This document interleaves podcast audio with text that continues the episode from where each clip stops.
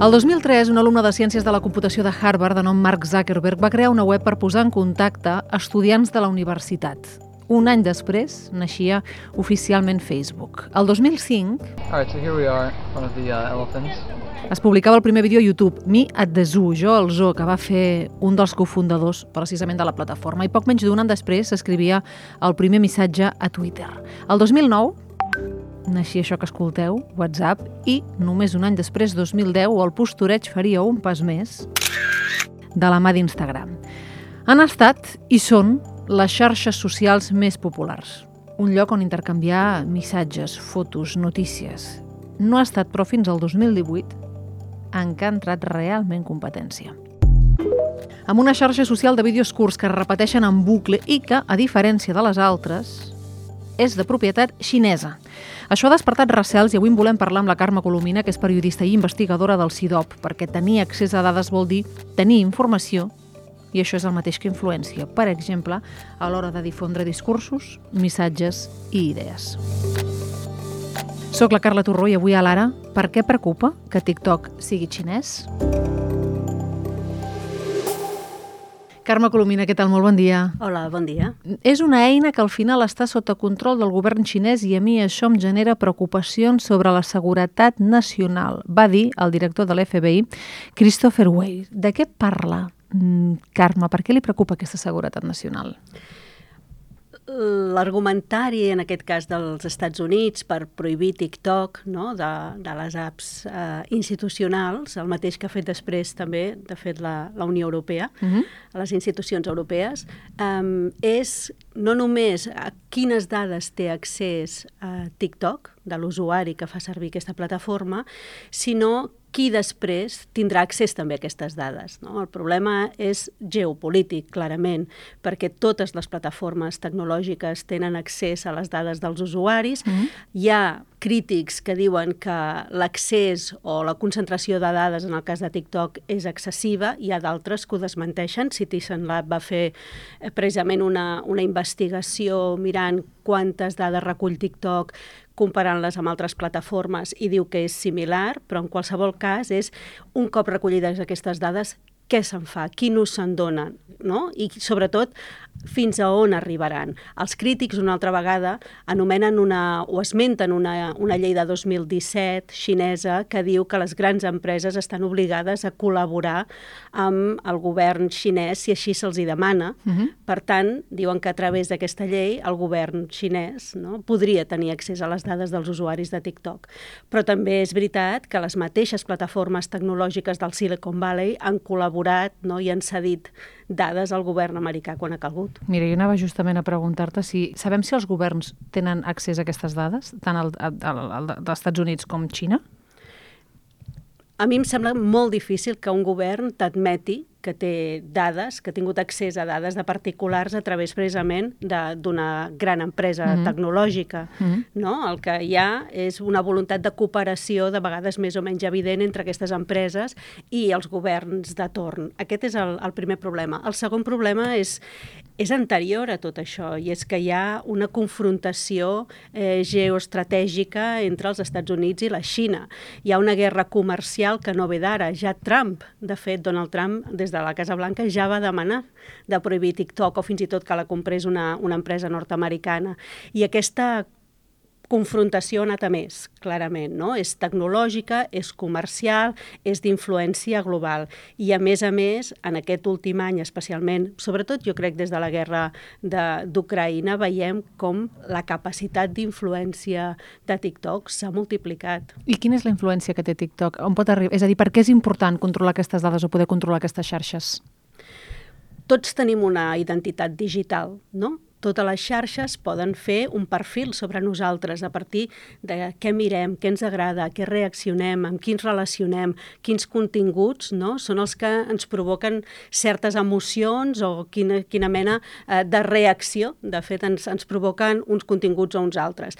Amb aquest perfil eh, som un producte, un producte que a les grans empreses eh, eh, és molt llaminer, perquè no només ens poden vendre publicitat, sinó hi ha casos, escàndols, de fet, com Cambridge Analytica, se'ns poden vendre també missatges polítics, no? Uh -huh. eh, hi ha casos clars d'interferències també en campanyes electorals a partir d'enviar missatges que són eh, seleccionats, no? fets a mida per allò que a mi m'interessa. I aleshores això acaba distorsionant també el debat públic, la conversa pública, acaba distorsionant fins i tot el que eh, està recollit, de fet, en, en la Carta de, de Drets Humans i de Drets Polítics, no? que és el dret a tenir una capacitat de participar políticament, electoralment, sense interferències. Fins a quin punt, quan nosaltres som objecte no, de missatges fets a mida dels quals nosaltres no som conscients, mm -hmm. fins a quin punt se'ns està alterant la nostra capacitat de participar electoralment sense que hi hagi distorsions. Ara citaves Cambridge Analytica, que és un cas no, conegut, en reconegut, una consultora britànica que va recopilar dades de milions d'usuaris de Facebook sense el seu consentiment i les va utilitzar per proporcionar assistència analítica a les campanyes de Ted Cruz i de Donald Trump. I, per tant, va influir directament en, no? en una campanya electoral. Tenint en compte aquest cas i el que dèiem a l'inici de la preocupació de TikTok, quina diferència hi ha entre Facebook i TikTok? també depèn una vegada més a qui li preguntis, no? perquè tot el, tot el tema d'aquesta guerra comercial el que acaba provocant és que uns i altres prenen, prenen partit. No? Posiciones a una banda o, o a una altra. O sigui, té a veure amb la, la batalla tecnològica. Té a veure amb la batalla tecnològica. Per mi té molt a veure amb la batalla tecnològica i d'influència global. També és veritat que eh, molts experts et diran, home, la diferència és que si, si, si les dades les té un govern un sistema democràtic o les té un govern autoritari que concep la tecnologia pel control social no? Mm. que és mm-hmm. aquest cas de l'etecnoautoritarisme. Mm. Això també fa la diferència. Però sobretot és eh, qui protegeix el consumidor. I en aquí sí que jo sempre insisteixo que em sembla molt interessant l'aproximació de la Unió Europea en aquest cas, perquè són els únics que han creat una regulació que posa límits, precisament, a aquest poder monopolístic no? i de desregulat de les, de les grans plataformes tecnològiques, i això és tant per uns com per uns altres. No? Hi ha una llei de serveis digitals que s'ha aprovat a la Unió Europea, que entra en vigor ara, de fet, al mes d'agost, o sigui que, que començarà a funcionar ara, que posa molts límits per començar, límits a la, a la publicitat política, a les campanyes polítiques en internet mm -hmm. durant períodes electorals. Posa límits també i obligacions de transparència en l'algoritme per saber de quina manera es fa el control de continguts, però també fins i tot límits a aquest poder monopolístic que et deia que qualsevol plataforma que tingui més de 45 milions d'usuaris únics mensuals a la Unió Europea ha de complir uns requisits encara molt més exigents que les plataformes més petites. I clar, amb més de 45 milions d'usuaris únics mensuals a la Unió Europea, i són totes. YouTube, Google Search, Google Maps, Google Play, Facebook, Instagram, TikTok i LinkedIn, totes. I aquestes eh, plataformes estaran ara sobre, sota aquest control de la llei de serveis digitals que, més, per primera vegada pot posar multes, multes milionàries. Per tant, s'ha creat un espai de regulació que fins ara no existia i que com a mínim aplicarà a, a la Unió Europea una mica amb aquesta voluntat de posar límits i de, i de protegir els drets del consumidor. Mm, o sigui que aquesta és l'aportació que pot fer Europa, ho dic perquè és important veure quines aportacions pot fer Europa a mig d'aquests dos gegants tecnològics com els Estats Units i com la Xina. Per mi és un dels grans reptes de la Unió Europea eh, en els propers anys, en els propers mesos, en la propera legislatura, no? perquè hi haurà eleccions europees al juny de 2024. Eh, la relació amb Xina i la relació amb els Estats Units i sobretot com tenir un espai propi i no deixar-se arrossegar en aquesta confrontació bipolar, no? Perquè, a més a més, és una oportunitat també per la Unió Europea. Jo crec que hi ha moltes regions del món que tindrien una aproximació a la tecnologia molt més semblant a la que té la Unió Europea que no, com deia abans, no? aquesta dualitat de tecnoautoritarisme o desregulació total al capitalisme de plataforma, com diu mm -hmm. una experta que es diu Shoshana Subov sobre, sobre el Silicon Valley, no? ni capitalisme de plataforma ni tecnoautoritarisme.